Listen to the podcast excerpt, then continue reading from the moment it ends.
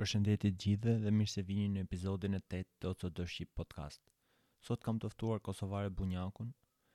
Ajo ka kryer studimet për psikologji dhe gjithashtu vazhdon të ushtrojë profesionin e saj si psikologe në Prishtinë. Do të diskutojmë rreth OCD-s dhe perfeksionizmit, mënyrat si shfaqen dhe gjithashtu dallimin midis tyre. Gjatë bisedës tonë diskutojmë gjithashtu rreth portretizimit të OCD-së nëpër filma, disa nga mënyrat se si mund të bëhemi dëgjues për të tjerët, që është shumë e rëndësishme, dhe disa teknika në ballafaqimin e mendimeve intruzive. Për më tepër ju ftoj të ndiqni intervistën. Përshëndetje Kosovare, faleminderit shumë që pranove ftesën. Faleminderit shumë ty për ftesën, është kënaqësi. As fillimisht unë gjithmonë pyes pak rreth formimit tënd profesional edhe gjithashtu si e ke ndeshur termin OCD për herë të parë. Atëherë kështu. Gjeni unë kam përfunduar studimet themelore në psikologji për të vazhduar më pas me studimet në psikologjinë organizative. Termin OCD do të thotë e kam has qysh në vit të parë, ndoshta të studimeve në psikologji, ë ku kemi e kemi shtjellu kështu më tej si temë dhe më pas ka qenë edhe edhe pjesë e debateve tona të shumta mes miqve dhe kolegëve psikologë. si si ka ndryshuar për shembull ideja jote rreth OCD domethënë nga hera e parë që e ke dëgju në shkollë me atë çka ke përjetuar më vonë. Mm. Atëherë um, si ka ndryshu, nuk e din qoftë se ka ndonjë ndryshim të madh, për shkak se siç e thashë, uh, termin e OCD-së së pari e kam dëgju përgjatë studimeve e kam dëgju, apo më mirë të themi e kemi studiu, edhe veç se është marrë informacioni adekuat rreth asaj, mirëpo në përditshmëri e shoh se është një tendencë për të ngatërruar OCD-në, ndoshta me, me diçka tjetër, edhe që mendoj se ju shërben njerëzve që ta kenë si informacion më të saktë se çka është OCD-ja dhe të din, të din, do të thotë ta ta identifikojnë, të din të marrin informacionin e duhur. Faktikisht këtu doja të dilja, domthonë prandaj e bëra këtë pyetje se mbase unë nuk e di se nuk kam studiu për psikologji, por nuk e di sa është sa i saktë mund të jetë domthonë ose sa sa i zgjeruar mund të jetë informacioni në universitet rreth OCD-së edhe nga e i domethënë që shfaqen përditshmëri te rastet konkrete. Edhe, po kam jashtë, po, po të po, të mon më, më shumë duhet të jem interesuar të di domethënë dallimin mes OCD-s reale, mund të themi, si, si shfaqet.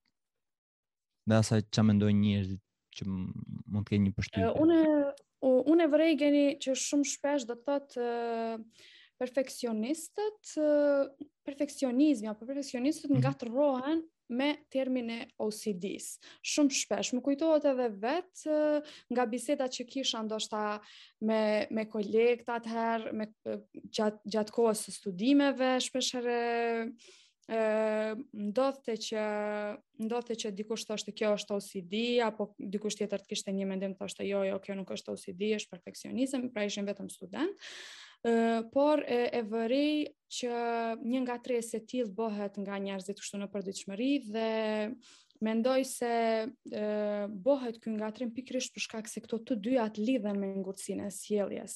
Ama në fakt janë të ndryshme nga njëra tjetra dhe është e dobishme dimë dallimet mes tyre sepse mungesa e një informacioni të tillë mund t'i bëjë perfeksionistët mendojnë që mund të diagnostikohen me me OCD-n, si dhe persona që do të mund diagnostikoheshin me OCD-n kur nuk janë në dijeni, mund të besojnë se ajo që po u ndodh është tipike dhe se nuk duhet të marrin trajtim nga profesionistët e shëndetit mendor.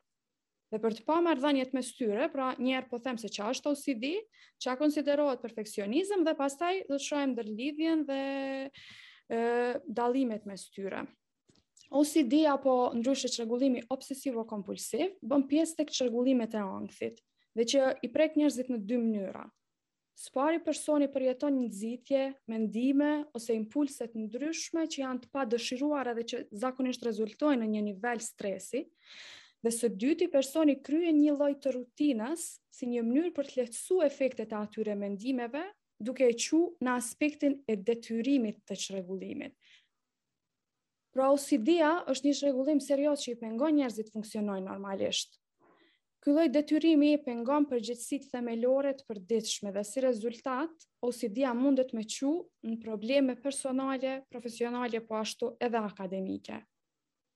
Mirëpo, kur e shohim një person me OCD dhe një perfeksionist apo një person tipik që i ka disa shprehi rutinore që mund të jenë të ngjashme nga ato që e, mund t'i kryejë një person që do të mund të diagnostikohej me OCD, e, është, do të thotë, e lehtë me me i karakterizu me, me të njëjtat gjana.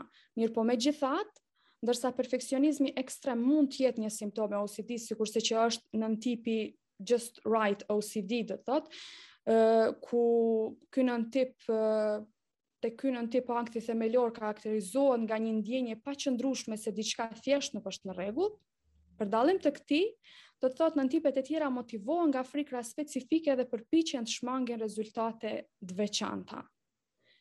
Megjithatë, realiteti është se për shumicën e njerëzve, kërkimi për përsosmëri nuk është aspak do të thotë si të diagnostikuarit me OCD. Edhe janë disa mënyra ku OCD edhe perfeksionizmi ndryshon dhe tani po i përmendi unë kështu si sikur në mënyrë krahasimore.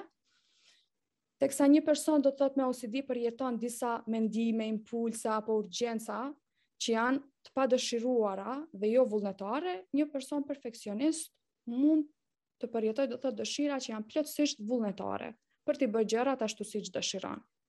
Teksa një person me OCD nuk përfiton nga kënaqësia e kryerjeve të zakoneve të tyre apo të shprehive të tyre, perfeksionisti mund të gëzohet duke e ditë se e ka bë gjën e duhur ose duke e ditë se ka arrit qëllimin e tij apo saj.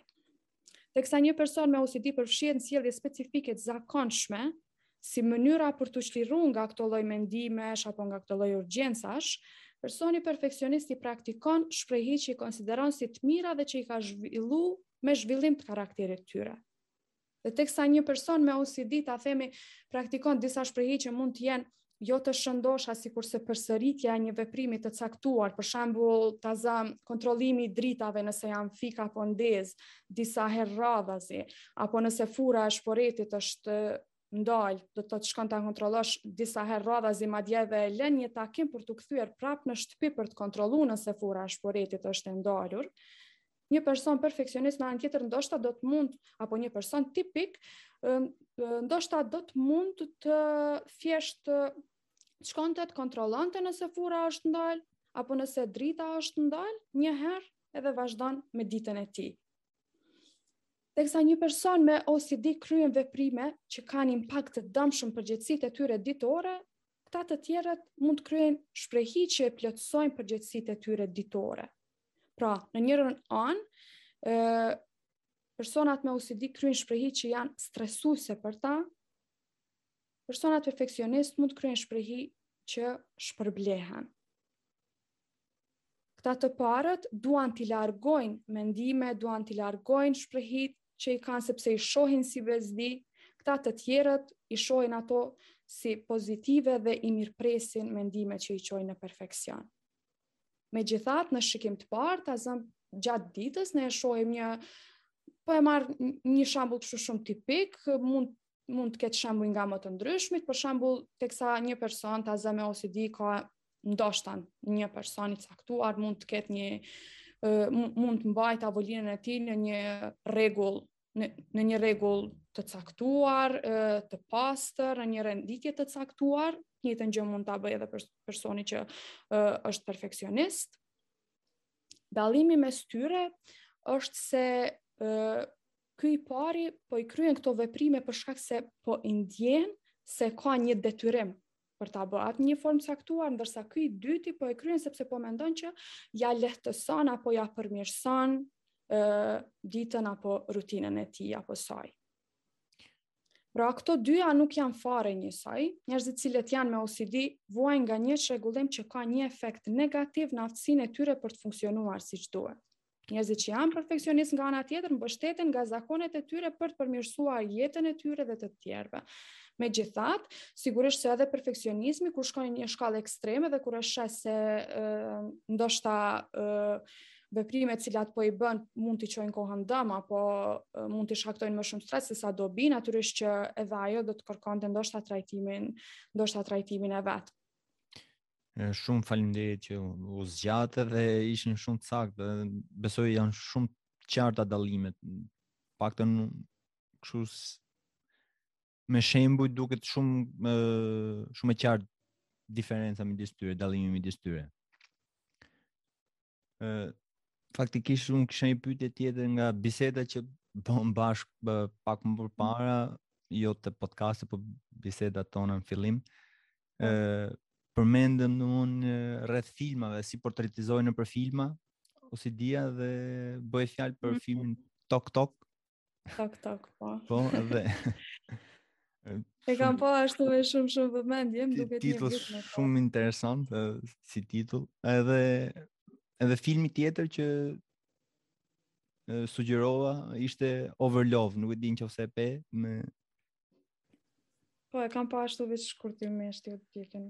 Edhe thjesht Doja të dija domethënë mendimin tënd se se si t'u duk si portretizim te tek secili, domethënë, se besoj, unë i kam pa me vëmendje të dyja, se mm. natyrisht në fillimet e mia isha shumë i fokusuar të, të shihja filma dhe të merrja informacion rreth OCD-së, Edhe besoj që e, Më shumë ndoshta mund të flas për Toc Toc meqenëse e kam pa me më shumë vëmendje edhe pse sigurisht ka detaje të cilat i kam harrua se ka një vit që kur e kam pa, mirëpo çka më ka lënë përshtypje ka qenë se e, pra kanë qenë persona që kanë pas nëntipe të ndryshme të OCD-s dhe jo vetëm një tip. Kjo kjo ka qenë një informacion shumë i do, i dobishëm.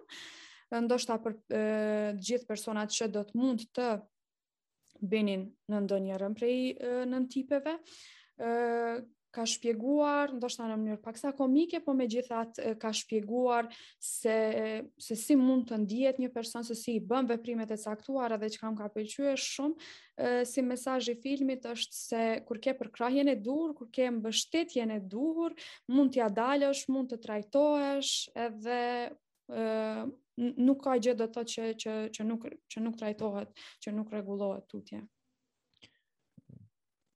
Kur merr kujdesin, kur merr do të thotë mbështetjen adekuate. Mesazh i duhur. Është, kjo është ashtu si e kam pa unë. jo, mendoj që është mesazh i duhur për për për këdo. Jo, un realisht ai mesazhi qëndron. Faktikisht un jam më shumë kam qenë më shumë i fokusuar tek portretizimi sesa tek mm -hmm. mesazhi se natyrisht domethënë kur kur vuan vetë nga diçka mundohesh që ta gjesh kudo në mënyrën më të më të saktë të mundshme ashtu siç e përjeton. Nuk e di në qoftë se po, po, e kupton si koncept edhe është është si si nevojë e njeriut që ta gjej kudo në në të njëjtën mënyrë siç e përjeton. Edhe prandaj prandaj domethënë janë besoj janë të rëndësishëm deri diku edhe filmat në qoftë se portretizohen në mënyrën e duhur jo. për për të ndihmuar.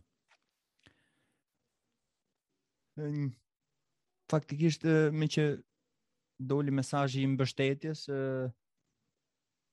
si mund t'i mbështesim personat me OCD duke marrë shkas jo nga ata që vuajnë po dikush që nuk vuan, por që dëgjon dikë që kërkon ndihmë. Po atëherë ë kur e sheh se dikujt do të do të do të mund t'i nevojitej ndihma ë mënyra e parë do të ishte referimi tek një profesionist i shëndetit mendor, Kjo është eh, adresa e parë dhe më e duhura. Pastaj aty do të do të filloj dhe do të marr trajtimin e duhur. Shumë e saktë kjo, po mund po po kthehem dhe pak më më mbrapa si si pyetje. Faktikisht është e vështirë për dikë që të shprehet haptazi, sidomos për OCD-në. Ëh, është jashtëzakonisht e vështirë edhe mbase dikush që nuk e njeh, normalisht nuk i bën shumë kuptim qoftë se do t'ja shpjegoje dikujt edhe do, do ishte shumë e vështirë. Prandaj më shumë jam i fokusuar tek si mund ta mbështesi dikush që nuk ka, mund ta them, informacionin e duhur ose si mund ta dëgjoj më mirë dikë që po kërkon ndihmë.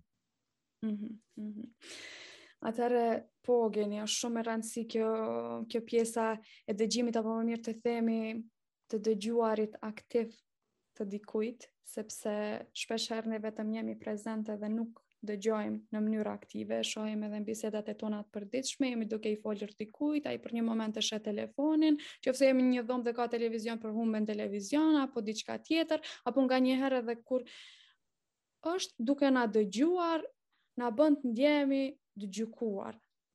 Edhe prandaj po, lind dhe pytja si si bëhemi, ndoshta dëgjues më të mirë dhe si ta bëjmë personin tjetër që lehtësisht të të ndaj ë të ndaj atë që që dëshiron të ndaj me neve hallin apo brengën e tij apo çkado qoftë. Ë çka do të sugjeroja unë është që kur një person Ju flet juve së pari, lërini të flasin. Nuk është e thënë që të ndërhyjë menjëherë, lërini personin të flet, mund të përdorësh nxitës verbal, nxitës joverbal, mbaj kontaktin me sy, mbaj një gjuhë trupore të hapur, tund kokën, përdor reagime inkurajuese, për shembull, mhm, mm wow, vërtet, e shoh, pastaj, do të thotë, mundohu një herë ta lësh vetëm personin të flet, po njëkohësisht ta bësh të ndjehet që ti po e dëgjon, do të thotë je aty, nuk do të thotë patjetër të flasësh të thuash diçka që personi tjetër ta kuptoj që po e dëgjon. Mundesh edhe veç me gjuhë trupore fillimisht t'ia japësh atë mesazh. Pastaj në ndërkohë në qoftë se e sheh të nevojshme mund ta rideklarosh atë që e ka thënë, pra e përsërit prapa atë që e ka thënë, për shembull, po ça ndodhi më pastaj, Eh? Mundesh edhe të pasqyrosh, ta mendosh veten sikurse pasqyrë, pra reflekto tek ata që je duke marrë fjalët e tyre seriozisht një lloj sikurse ata vetë. Ndërsa te dhënia e feedbackut, sepse e, e vërej një tendencë te njerëzit që shpeshherë mendojnë se patjetër duhet të japin feedback, patjetër duhet ta udhëzojnë tjetrin, te dhënia e feedbackut ndoshta është më mirë ndalosh pak para se të japësh një feedback, të marrësh pëlqimin apo lejen për të dhënë një feedback lidhje me atë që personi po ta thot. Pasi ta marrësh dritën e gjelbërt, atëherë mundesh me nda observimet e tua rreth situatës në fjalë. Dhe është shumë e rëndësishme po ashtu edhe përgjatë kohës sa dikush po po po shfaq emocion, po nuk po e emërton atë emocion, për shembull po vjen te ti me një frustrim apo e, po e sheh që është i pikëlluar apo i mërzitur, po nuk po e thotë që është i mërzitur apo i pikëlluar, vetëm e, po shprehet në atë mënyrë, ti mund t'i thuash po e vërej për shembull, po e vërej miku im, po e vërej që je i pikëlluar, po e vërej që je i mërzitur edhe unë do të ndjehesha kështu. Për shembull. Dhe në momentin që ti e emërton emocionin e tij apo saj, sikur e sikur e çliron nga diçka. Do të thotë ja jep një mundësi për t'u shpreh edhe më tej. Dhe në shumë raste përgjatë bisedave është mirë të ndalojmë apo të heshtim, në vend se të ngutemi për dhanë përgjigje pasi tjetri mbaron së foluri, merr pak kohë derisa ta fillosh fjalinë. Prandaj ekziston edhe kjo shprehja e vjetër që mendoj se është shumë me vend, prandaj i kemi dy vesh dhe një gojë. Kështu që në vend se të brengosesh se çka ke për të thanë, fokusohu tek ajo se çka ka tjetri për të thanë. Edhe për t'i shmangë gjykimet, evito përdorimin e frazave sikurse ti duhet ta bësh këtë ose duhet ta provosh këtë, sepse këto fraza mund ta bëjnë tjetrin të ndihet i kritikuar, i gjykuar apo i fajësuar dhe asnjëra nga këto nuk e përbëjnë një komunikim të mirëfilltë. Kështu që në vend të tyre mund të përdorësh deklaratën unë. Për shembull, unë brengosem kur e thu këtë apo diçka ngjashme. Dhe në raste në qoftë se e vëren se për shembull përgjatë bisedës po po i ikën filli, Po i ikën filli prej asaj që është nis ta thot, mundesh me gjentilesë, m'ju drejtu personit me cilin po flet, me me provu në këtë mënyrë për shembull. Para se të vazhdojmë, a mund të kthehemi dhe të flasim për atë gjën edhe një herë? Apo a, a mund të kthehesh të lutem edhe një herë tek ajo pjesa?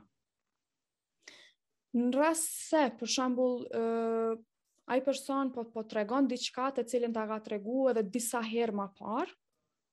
Ti në vend se t'i thuash po e kam dëgju këtë ma herët apo e ke thënë kështu ma herët apo e ke bërë kështu ma herët dhe prapë i njëjti rezultat, në vend se ta thush kët, mund t'i thuash më kujtohet që e ke thënë apo ke bërë kështu herën e kaluar, çka ka ndodh. atëherë. Dhe në këtë mënyrë do të thot i jep personit hapësirë që të flet. Pra, evitoji maksimalisht pyetjet pse, evitoj tonin agresiv, skeptik apo pyetës, shpërfilljen e brengave të dikujt evitoje. Për shembull, sikur kur i themi dikujt hajt se asgjë s'është kjo.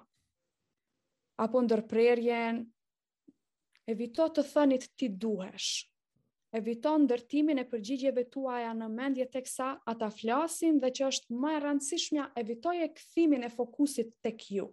Sepse kur dikush po ju flet juve, ata po ju qajnë një hall të tyrin. Edhe në qoftë se halli i tyre ta zëm është krejtësisht i njëjtë sikurse me një tëndin apo keni pas situata krejtësisht të ngjashme apo krejtësisht të njëjta,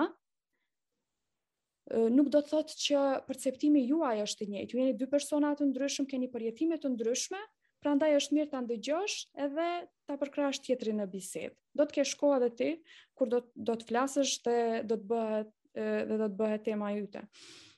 Në vend këtyre bëni pyetje do të thotë të hapura, për shembull si ndodhi kjo, çka çka jeni duke thënë apo çka jeni duke bërë, kush mendoni se çka do qoftë, do të thotë që i jep personit hapësirë që të shprehet edhe më tepër dhe evitoni përdorimin e pyetjeve të mbyllura ku tjetri mundet të përgjigjet vetëm me po apo jo dhe nuk do të mundesh realisht ta kuptosh më gjatë se se çka ka pas për të thanë, mundohuni që të shmangni pyetjet që shfaqin presupozim, pasi që pyetjet e tilla e bëjnë bisedën duket më tepër si konfirmim i opinioneve tuaja se sa i pikëpamjeve të folësit.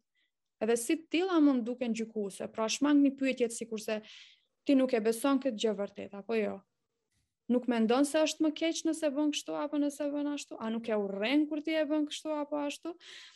Edhe po ashtu do të thotë veç mundoheni që që të bëheni më më përkrahës, mundoheni që të jepni tjetrit mesazhin se unë jam këtu për ty, unë jam duke të dëgju ty dhe interesi im primar përgjatë kësaj bisede është të të kuptoj se ça po ndodh. Qoftë se ti e don mendimin tim, unë kam disa sugjerime për të dhënë, qoftë se jo jam këtu për të dëgjuar.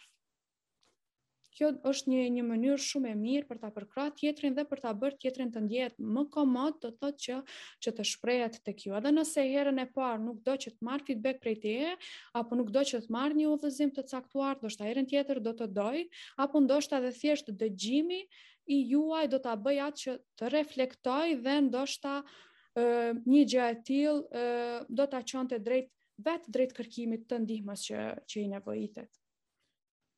Shumë të sakta se ti the kjo është një mundësi, po unë them këto janë shumë mundësi se çekëm shumë edhe mendoj se janë shumë të duhura. Unë vetë ndërsa ti po flisë domon, unë vetë po mundohsha se si t'i praktikoj gjatë bisedës edhe mendoj janë shumë të rëndësishme, Ne janë me të vërtetë të rëndësishme po, po, por një pjesa e dëgjimit se ne nisemi gjithmonë sidomos tek dhënia e këshillës, ne nisemi kemi tendencë të t'i japim zgjidhje sa më shpejt ose të mendojmë se sikur kemi zgjidhje dhe mundohemi që që të këshillojmë dikë po pa e dëgjuar tamam se të kush mund të jetë shqetësimi i tij ose i saj. Ne kemi një shprehje shumë të keqe realisht në Shqipëri, nuk e di edhe në Kosovë, por besoj se duhet të jetë, që është mos u mërzit. Ah. Mm, po, po, realisht. Është mund më duket shumë shprehje e keqe që njeriu o do të mërzitet sepse ndihet i mërzitur dhe sikur ia ia ia heq atë ndjesinë e, e shprehjes që ai realisht mm -hmm. person mund të jetë i mërzitur, ëh. direkt ia sikur ia heq mundësinë që të ta përjetojë dhe ta ta ketë si gjë normale për arsye sepse është diçka që është mërzitur. E bllokon direkt, e po, po. bllokon po. direkt komunikimin lidhje me atë. Edhe hajde i fut një mos u mërzit. Edhe mbyllet biseda. Kalon. Eh, të kthehemi sërish tek uh, OCD-ja, po mm, mund të them jo thjesht tek OCD-ja, po tek uh, çrregullime të tjera, po më shumë tek mendimet intruzive ose edhe ndjesitë e ankthit. si t'i ballafaqojmë dhe si mos t'i shmangim ose mos t'i shtypim. Po. Uh, atëherë këto mendimet intruzive që i përmende apo ndryshe mendimet e padëshiruara ndërhyrëse janë mendime të mbërthyme që shkaktojnë disa shqetësime të mëdha. Këto mendime na duket sikur po vijnë prej askundi edhe vijnë me një zhurmë dhe shkaktojnë shumë ankth. përmbajtja e këtyre mendimeve shpesh herë mund të fokusohet edhe në imazhe seksuale, të dhunshme ose të papranueshme nga shoqëria, do të thotë imazhe të veprimeve të pa, që mund të jenë potencialisht të papranueshme nga shoqëria, edhe njerëzit që i përjetojnë këto mendime kanë frikë se mund t'i kryejnë veprimet të cilat i paraqesin në mendjen e tyre. Po ashtu kanë frikë se mendimet mund të nënkuptojnë diçka për ta si person. Disa prej këtyre mendimeve përbëhen edhe prej dyshimeve të përsëritura për marrëdhëniet, vendimet e vogla, vendimet e mëdha, orientimet seksuale, identitetet, ndërhyrjet e mendimeve për sigurinë, fenë, vdekjen e, e të tjera me radhë, dhe disa të tjera janë thjesht mendime të çuditshme të cilat nuk kanë ndonjë kuptim të dukshëm. Pra këto mendime intruzive apo mendime të padëshiruara ndërhyrëse munden me qenë shumë të qarta edhe pra imazhet e tyre munden me qenë shumë të qarta, shumë të gjalla edhe shumë njerëz kanë turp edhe shqetësohen për to, edhe për këtë arsye edhe i mbajnë të fshehta. Pra disa prej arsyeve pse ata i mbajnë të fshehta mund të jenë edhe disa prej miteve që, që qarkullojnë për këto mendime intruzive, një prej miteve është se të kesh mendime të tilla do të thotë që në mënyrë të pandërgjegjshme ti dëshiron të bësh gjërat që të vijnë në mendje.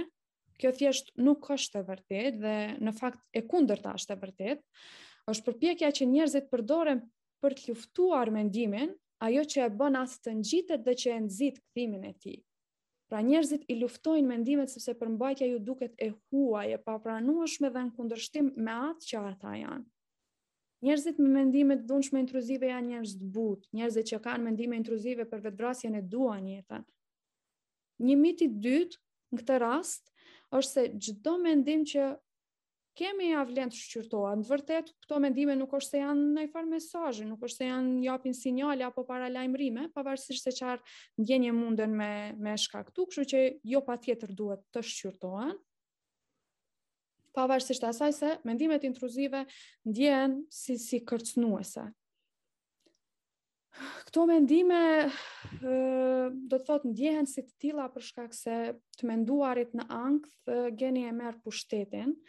Edhe mendimi sado i neveritshëm që mundet me qenë duket se ka fuqi.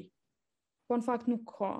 Edhe njerëzit priren të përpiqen dëshpërimisht dhe urgjentisht për të hequr qafe mendimet, të cilat në mënyrë paradoksale pastaj e ushqejnë intensitetin e tyre.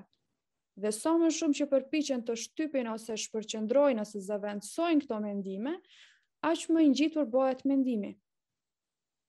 Prandaj, njerëzit që shqetësohen nga këto mendime duhet të mësojnë një marrëdhënie të re me mendimet e tyre. Pra, sikurse që që e thashë më parë, nuk është ideja që t'i shtypim mendimet, por duhet të mësojmë një marrëdhënie të re me mendimet. që ndonjëherë përmbajtja e mendimeve intruzive është jorelevante dhe e parëndësishme. Se të gjithë kanë herë pas here mendime të çuditshme, mendime të pahijshme, të papranuara, mendime rreth do të thotë veprimeve që mund të ishin të papranuara nga shoqëria dhe mendime rreth diçkaje që është e dhunshme. truri ynë thjesht ndonjëherë krijon mendime të padëshiruara apo në gjuhën angleze ndonjëherë i themi junk, junk thoughts. Dhe këto mendime janë veç pjesë e rrjedhës sonë të vetëdijes. Mendimet e padëshiruara, mendimet intruzive janë të pakuptimta. Dhe si mund ndoshta të reduktojmë është nëse nuk i kushtojmë vëmendje ose nëse nuk përfshihemi me to. Ato shpërndahen kështu rrjedhimisht edhe lahen në rrjedhën e vetëdijes.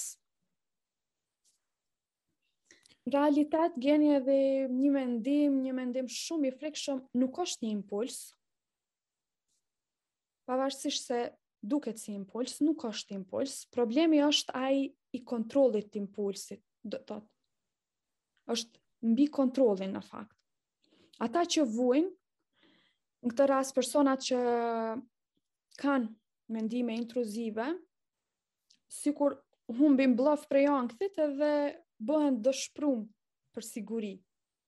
Edhe kjo siguri funksionon veç përkohësisht dhe njerëzit munden me u bo drogë sigurie, Dhe një mënyrë e vetme për me trajtu në mënyrë efektive mendimet intruzive është duke e reduktu ndjeshmërinë ndaj tyre.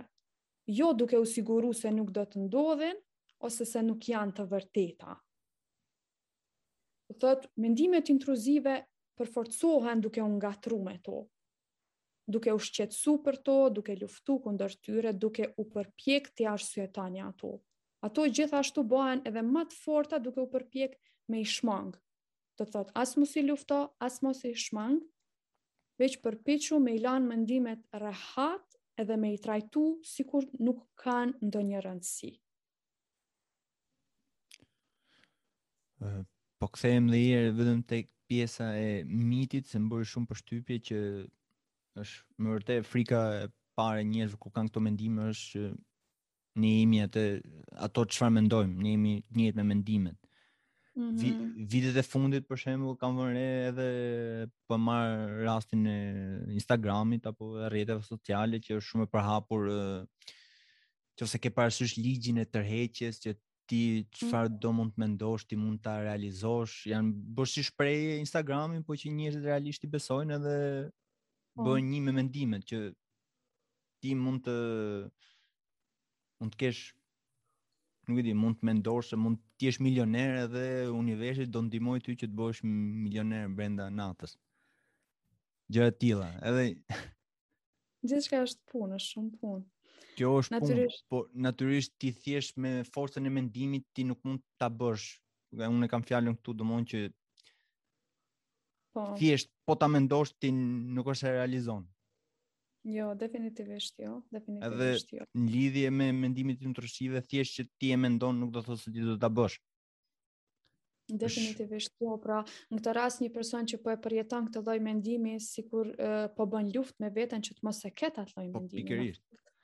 Ë uh, kurse një një koncept që e mendoj domethënë se mendimet intruzive në lidhje me mendjen, ë uh, unë e konsideroj një lloj si ushqimin që hamë që trupi yn ose stomaku merr thjesht vlerat që duhet të marrë, vitamina, proteina, nuk e di, ë, edhe pjesa mm. tjetër dihet se ku shkon. Po. Kështu që është e njëjta gjë dhe me mendimet. Që... Po, po, pra, që truri jonë prodhon, do të prodhojë gjithfarë lloj mendimesh, edhe dhe këto lloj mendime që mund të jenë krejtësisht të pavlera, do të thotë edhe që nuk... Kështu që, pra, ishte fjala e duhur, që tamam junk. Ë Unë ça, ça do, do të përmendje edhe po. disa, po? edhe disa pika, do të thotë për me ndryshu qëndrimin drejt këtyre mendimeve dhe për me i kapërcy këto mendime, disa tips, themi kështu. Uh, Këshilla me... ose teknika? Po, etiketoni do të thotë këto mendime sikur mendime intruzive. Kujtojani vetes se këto mendime janë automatike dhe nuk varen nga ju, pranoni, lejoni mendimet në mendjen tuaj, mos u përpiqni t'i largoni, mos u përpiqni t'i kontrolloni. Jepni kohë vetes, ndaloni, nuk ka asnjë urgjencë. Por gjithsesi prisni që mendimet të kthehen përsëri, se do të kthehen. E megjithatë, vazhdoni çdo gjë që keni qenë duke e bo përpara mendimit ndërhyrës, duke leju që ankthi të jetë i pranishëm. Pra, me ankthe, me ashtu me gjithë ndjenja që i keni çfarëdo ndjenja, vazhdoni. Mundoheni do të thotë veç thjesht t'i lini të lirë dhe mundohuni të mos angazhoheni me mendimet në çdo mënyrë, mundohuni të mos i largoni mendimet nga mendja juaj, mundohuni të mos mundoheni të kuptoni se çfarë kuptimi kanë mendimet tuaja, mundohuni të mos kontrolloni për të pa nëse një metodë e caktuar funksionon për të hequr qafe mendimet. Është e qartë se, se kjo qasje mund të jetë e vështirë për t'u zbatu, po për këdo që vazhdon ta zbatojë atë vetëm për disa javë, e ka një shans të shkëlqyeshëm që të shohë një ulje të shpeshtësisë dhe të intensitetit të mendimeve intruzive.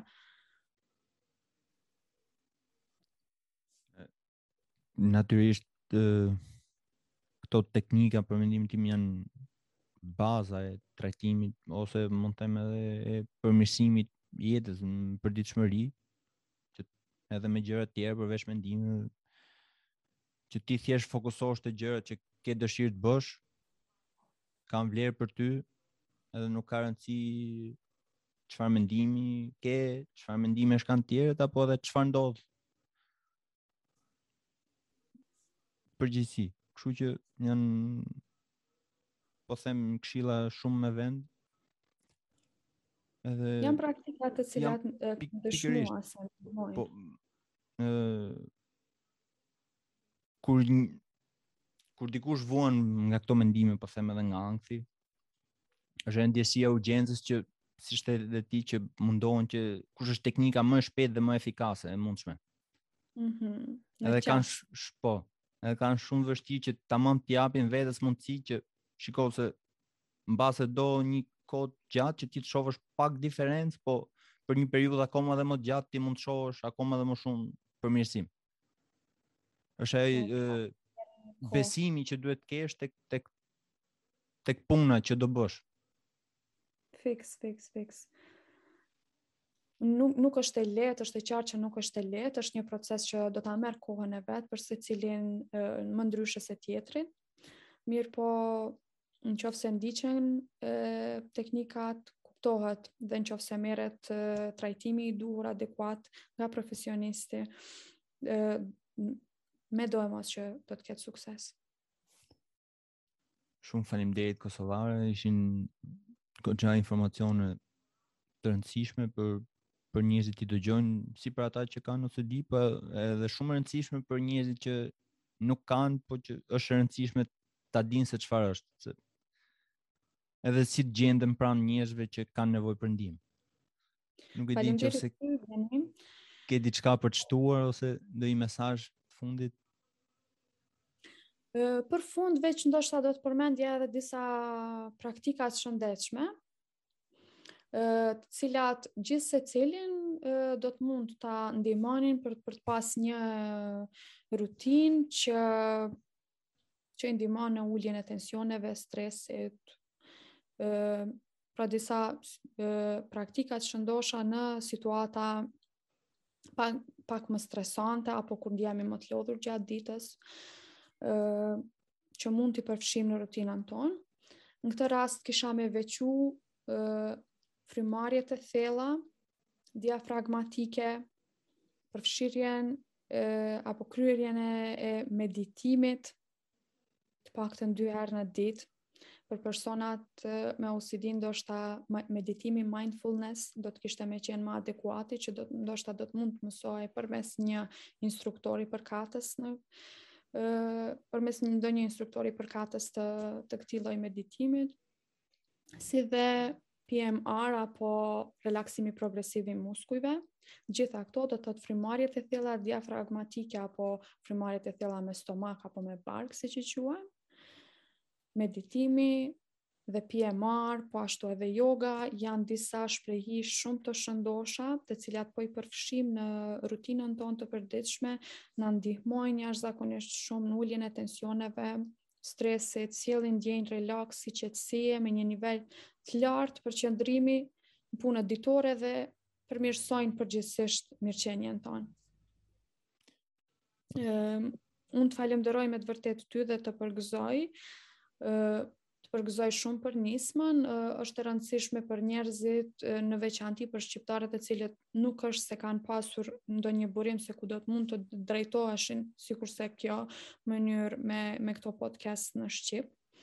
Një nismë shumë e mirë të përgëzoj dhe shpresoj që njerëzit sa sa më më shpejt do të thotë të gjejnë rrugën adekuate të marrjes së informacioneve, të cilat mund t'u ndihmojnë.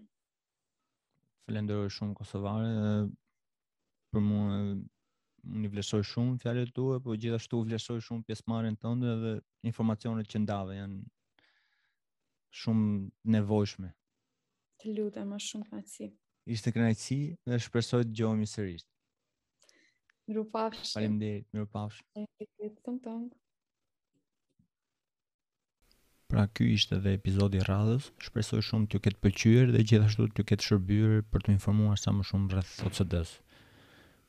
Nëse dikush prej jush ka dëshirë të ndajë historinë e tij ose ose ndonjë terapist që mund të ndajë informacione dhe përvoja nga praktika e tyre profesionale në lidhje me OCD-në.